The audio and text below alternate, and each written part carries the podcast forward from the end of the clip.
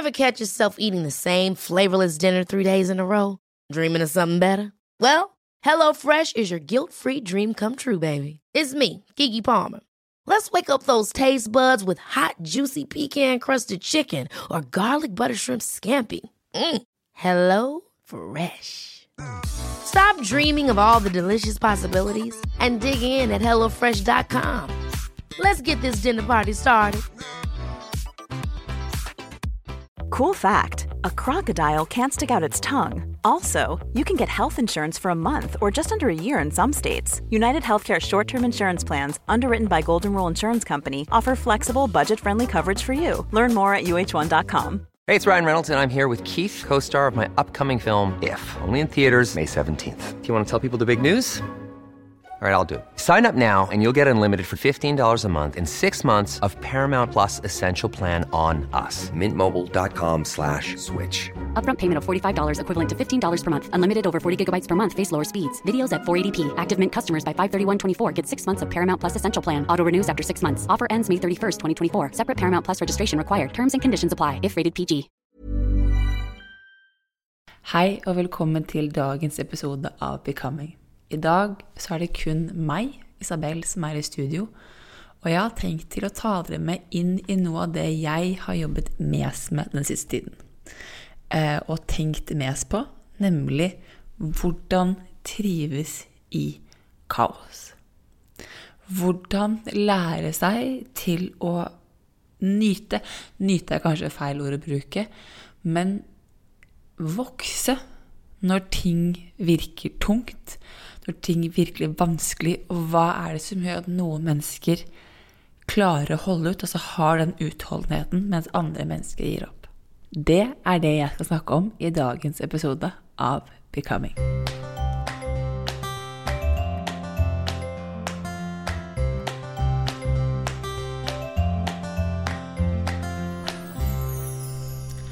Men aller først, la meg få lov til å introdusere noe av det kuleste av det kuleste som har skjedd siden sist. Jeg og Belinda har nemlig lansert våre egne notatbøker og penner i forbindelse med Becoming. Altså notatboken Who Are You Becoming er skapt for deg, kjære lytter, som har lyst til å ha en egen notatbok til podkasten, til din livsmestringsreise, til livet generelt, som er din bok fra deg til deg, hvor du kan skrive ned tanker, ideer, historier, innsikter, aha-opplevelser, spørsmål eller quotes som du enten hører i denne episoden, i denne podkasten generelt, eller livet fra mennesker, fra de rundt deg. Det å ha et sted hvor du kan samle informasjon og dine tanker er kanskje et av de beste verktøyene jeg vet Belinda har, og som jeg også har brukt. Det å ha en notatbok er som å ha en dialog fra deg til deg, og det er noe jeg anbefaler alle å skaffe seg. Jeg og Belinda har laget to. Vi har laget én notatbok, men de kommer i to farger. En burgunderrød og en blå. Og den har selvfølgelig streker i seg, altså linjer, med en sånn nydelig kul snor. Du kan finne de inne på D2 Shop. Søk på Becoming, så finner du de der. Og så har vi laget en fantastisk gullpenn som er så god å skrive med at du nesten ikke har lyst til å legge den fra deg. Så har du lyst til å sjekke ut vårt nye merchandise eller bare notatbok og penn som har kommet til podkasten, så sjekk ut som sagt D2 Merch. Fordi dette er noe av det kuleste jeg har sett på lenge. Men over til episoden som handler om hvordan få bedre utholdenhet i personutvikling og livsmestring. For et par uker siden så var jeg i en Jeg var på en live podkastinnspilling med Business Henriette og grunnleggeren av et dansk skomerke som heter Rockmore. Fredrikke. Og de eh, snakket sammen i skobutikken til eh, Fredrik i Oslo, i Prinsens gate. Og det var et par ting av det hun Fredrikke sa som jeg bare, som satte seg hos meg. For hun sa at skal du gjøre den jobben her, så må du trives i kaos. Du må omfavne kaos og forstå at kaos er en del av hele pakken. Den forsvinner ikke. Så du må like og du må lære deg til å klare å være i det kaoset. Skal du kunne klare å få det til, i hvert fall innenfor skobransjen, men hun mente også innenfor businesslivet.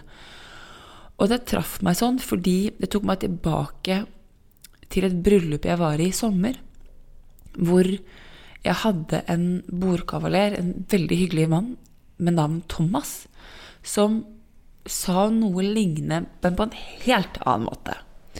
For der sitter jeg i bryllupet i sommer eh, på Jeløya til en av mine beste venner fra USA. Som eh, Ivar har fått av sin ane, og da skal vi feire. Og disse to er to nordmenn som begge bor i Colorado. Eh, de traff hverandre på college der, og begge to er veldig glad i ski og langrenn. Så det er veldig mange langrennsløpere i det bryllupet her. Altså tidligere langrennsløpere. Og eh, Thomas er ikke en av de. han, han, er ikke en av disse idrettsmenneskene.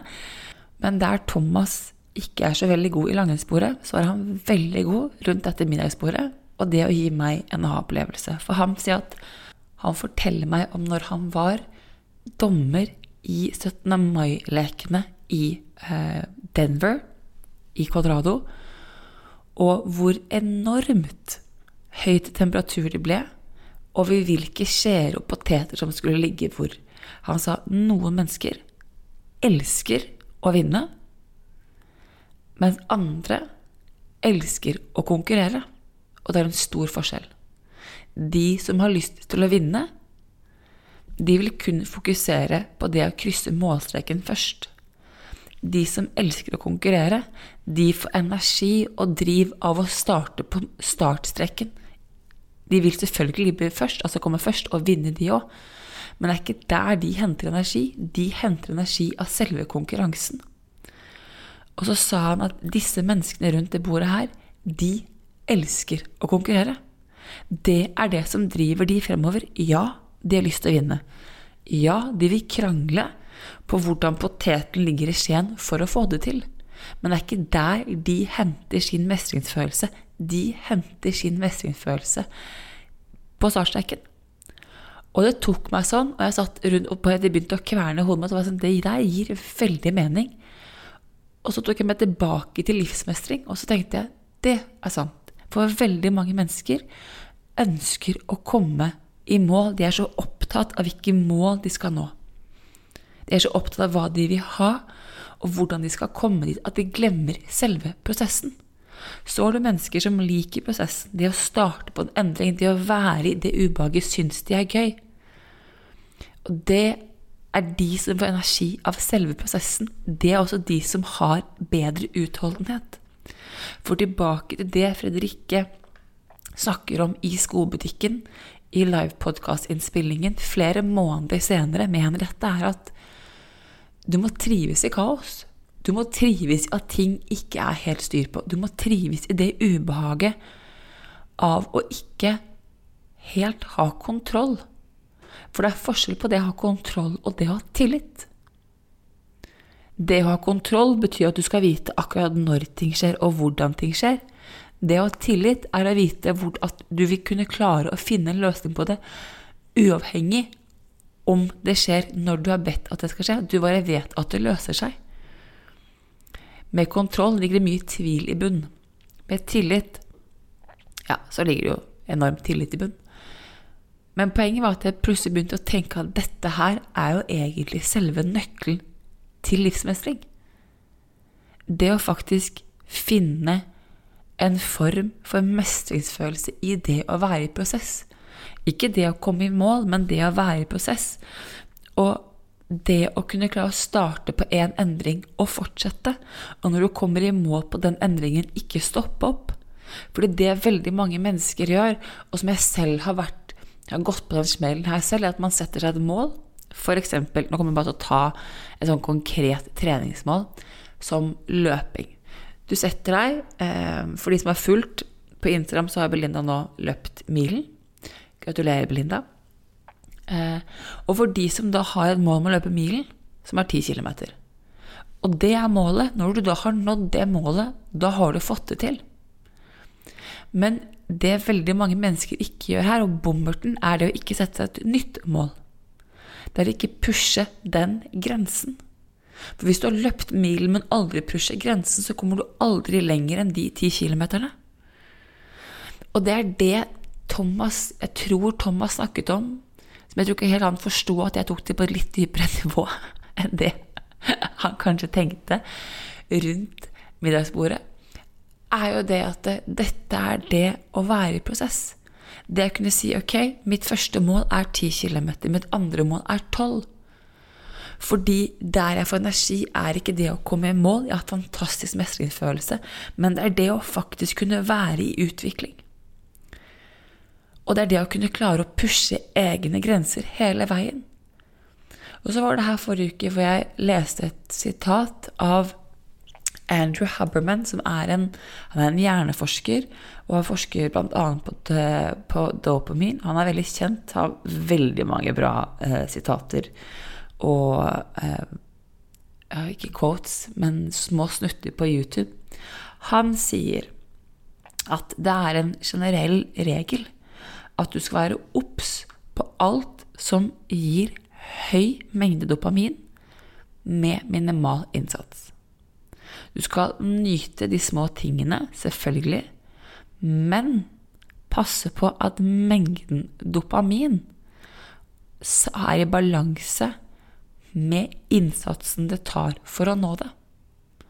Og dopamin er jo Dopamin Jeg blander norsk og engelsk, men dopamin er jo lykkeruset. Altså det er der som du får glede. Og blant annet sosiale medier er en form som gir veldig høy mengde med dopamin, fordi det er veldig tilfredsstillende for hjernen. Men det er liten innsats i det.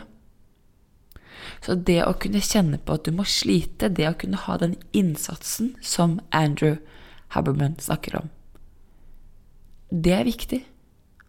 For det er, det, det, er den, det å kunne trene opp kroppen din og hjernen din til å tåle det ubehaget og vite at du får dopamin i etterkant, og du får den lykkerusen, mestringsfølelsen etterpå, at det er selve reisen. Og det tok meg sånn fordi at det, eh, vi er jo midt i en eller jo, midt i en bokskrivingfase på vei nærmere et veldig deadline på når boken vår skal ut. Og det er enormt mye tvil og frustrasjon i meg rundt det her. Jeg trodde jeg ikke var hun, men jeg er tydeligvis den eh, forfatteren som absolutt ringer min redaktør sent lørdag kveld. I sånn totalt eh, Ikke panikkavfall, men litt sånn indre panikk i at jeg får det ikke til, jeg orker ikke mer, jeg vil ikke. Vi bare skrinlegger hele prosjektet.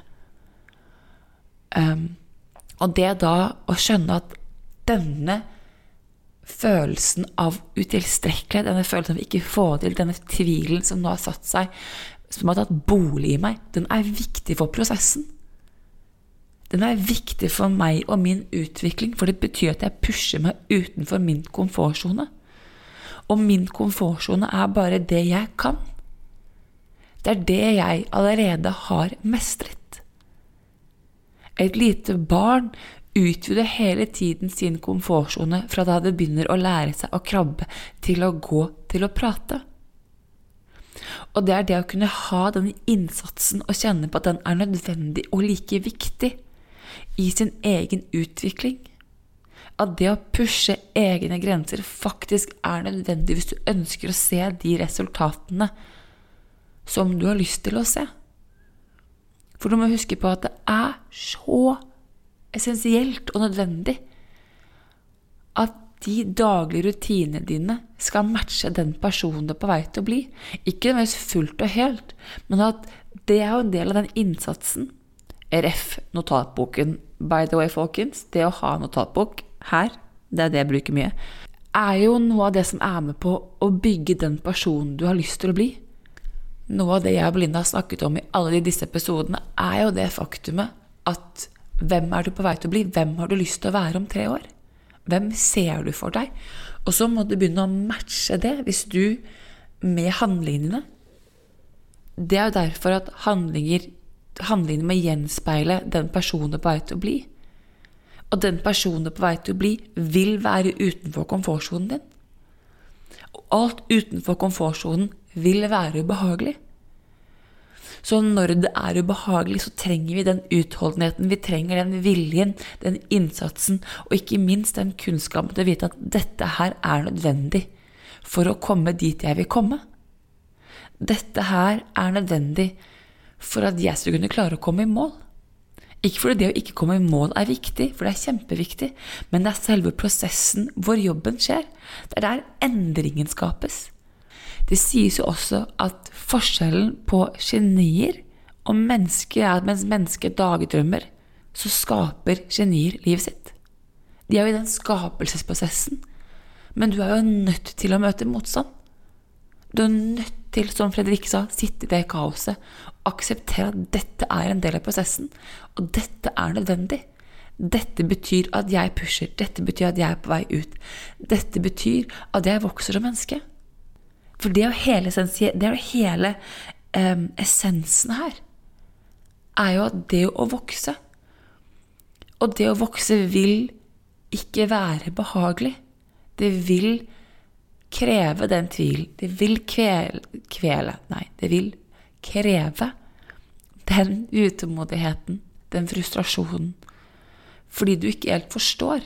Jeg pleier å si at kaos er en vanskelig start. Det er naturens måte å si deg et ugjenkjennelig mønster på, som du nå skal tyde. Naturen lager aldri kaos. Mennesker lager kaos. Det er noe helt annet. Men naturen aldri kaos. Fordi hvis du setter eh, atomer inn i en sånn boks, så vil de i starten eh, fly alle ulike retninger.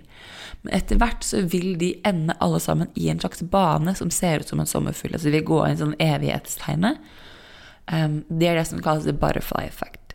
Så naturen lager aldri kaos, bare ugjenkjennelige mønstre. Aka en vanskelig start. Men det å kunne klare å kjenne på at du har tålmodighet, og ikke minst utholdenhet nok til å klare å tyde det mønsteret, det er viktig. Og det er her jeg mener veldig mange mennesker sliter. Det er her hvor fokuset handler om å komme først i mål. Da orker du ikke å skape den utholdenheten. Du orker ikke å sitte i det ubehaget. For du ser ikke meningen med det. Hva er poenget med det å ha det, med det å gå gjennom tvil og frustrasjon nå? Hva har det med det å komme i mål å gjøre?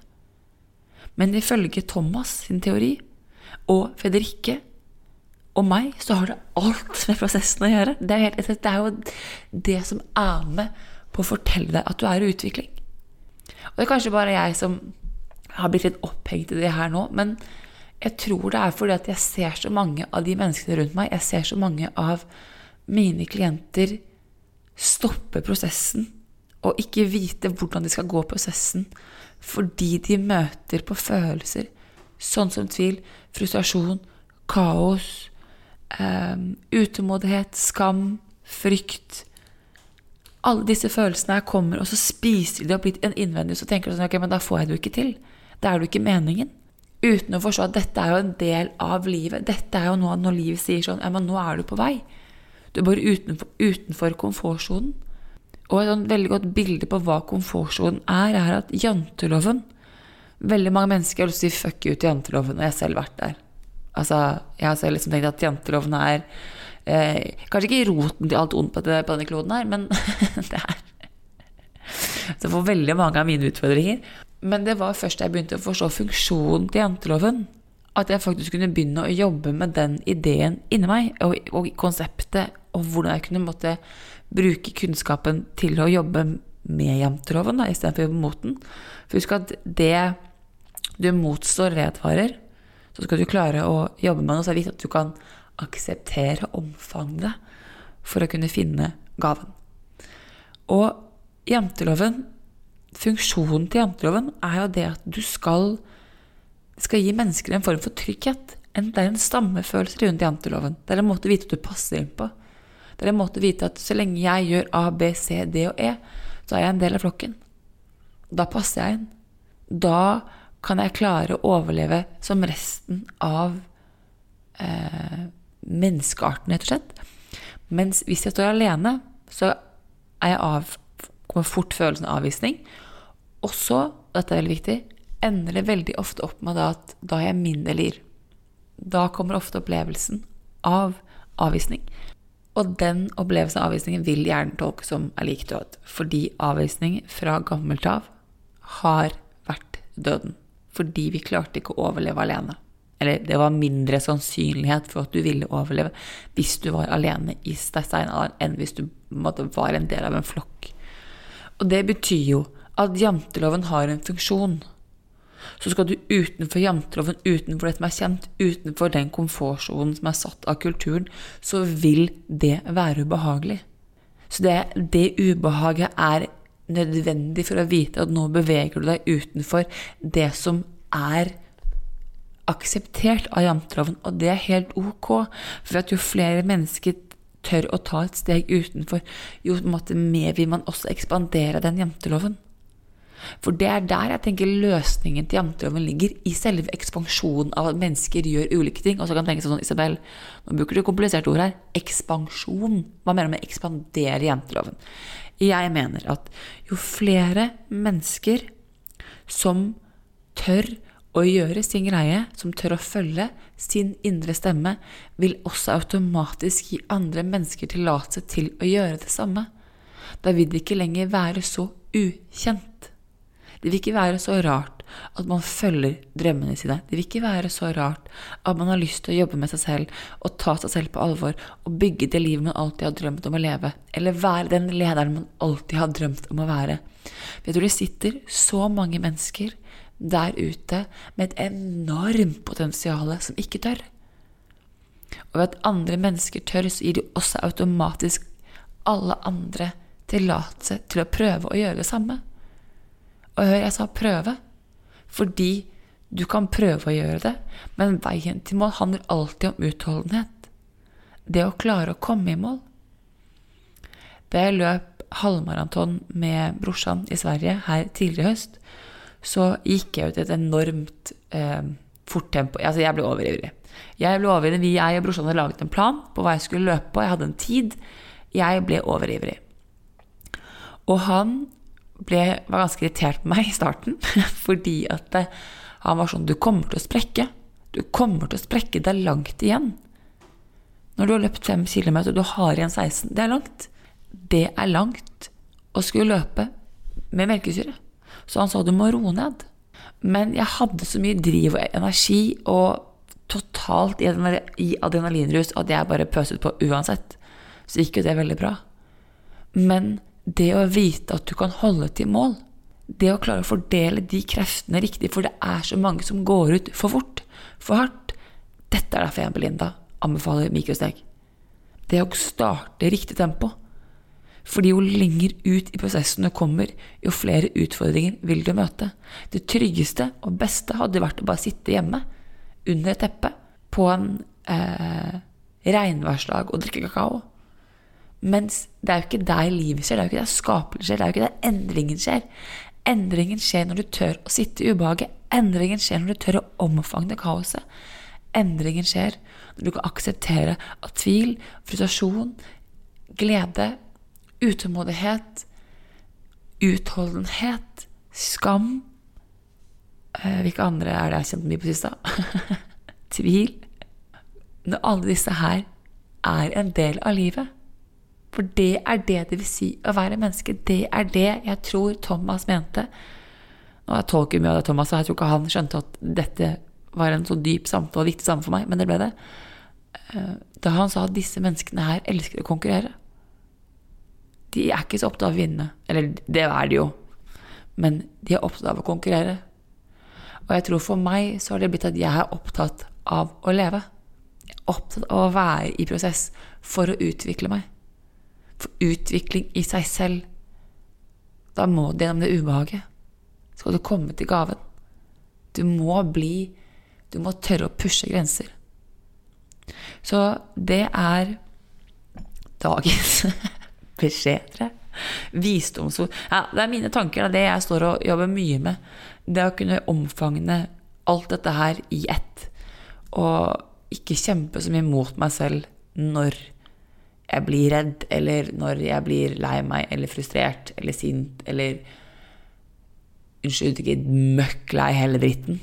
Eh, som også skjer ganske ofte. Spesielt hvis det er mye tvil på gang. Eh, så jeg tror at det er bare greit å Jeg tror jeg hadde hatt behov for å høre og kjenne på at det er flere som kjenner den tvilen, og som ser viktigheten av tvilen, og som ser at den tvilen er faktisk en del av livet. Det er ikke noe feil, det er ikke noe riktig. Det er en del av det å skaffe deg og øke din utholdenhet. Rett og slett. Og sagt, jo flere som tør å gjøre reisen, jo flere som tør å velge seg selv og velge sine drømmer, jo mer Jo bedre tror jeg livene våre vil bli. Jo mer vi vil lære andre mennesker om at livet skjer i prosessen, og ikke når du kommer i mål. For det er som Andrew Hubman sa, det handler om at igjen Den følelsen du får av å mestre, må faktisk matche innsatsen du legger inn. Så med det så håper jeg at du ble litt inspirert til å pushe grenser, til å øke utholdenheten din, også tålmodigheten din, men utholdenheten din, til å gjøre jobben, um, til å prioritere deg selv, til å gjøre det som er riktig, og til å være grei når du kjenner på at uh, det koker, og det er tungt, og du har lyst til å gi opp. Og husk på at når du har lyst til å gi opp, så finnes det alltid ti grunner til hvorfor du skal fortsette.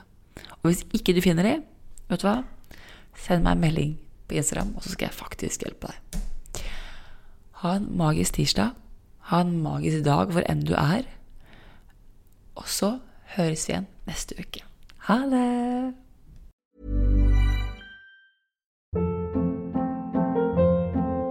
Hold up. What? Boring. No flavor. That was as bad as those leftovers you ate all week. Kiki Palmer here, and it's time to say hello to something fresh and guilt-free. Hello Fresh. Jazz up dinner with pecan-crusted chicken or garlic butter shrimp scampi. Now that's music to my mouth. Hello Fresh. Let's get this dinner party started. Discover all the delicious possibilities at hellofresh.com. Even when we're on a budget, we still deserve nice things. Quince is a place to scoop up stunning high-end goods for 50 to 80% less than similar brands. They have buttery soft cashmere sweaters starting at $50, luxurious Italian leather bags, and so much more. Plus, Quince only works with factories that use safe, ethical, and responsible manufacturing. Get the high-end goods you'll love without the high price tag with Quince. Go to quince.com slash style for free shipping and 365-day returns. Imagine the softest sheets you've ever felt. Now imagine them getting even softer over time. That's what you'll feel with Bowl and Branch's organic cotton sheets. In a recent customer survey, 96% replied that Bowl and Branch sheets get softer with every wash. Start getting your best night's sleep in these sheets that get softer and softer for years to come. Try their sheets with a 30-night guarantee. Plus, get 15% off your first order at bowlandbranch.com. Code BUTTERY. Exclusions apply. See site for details.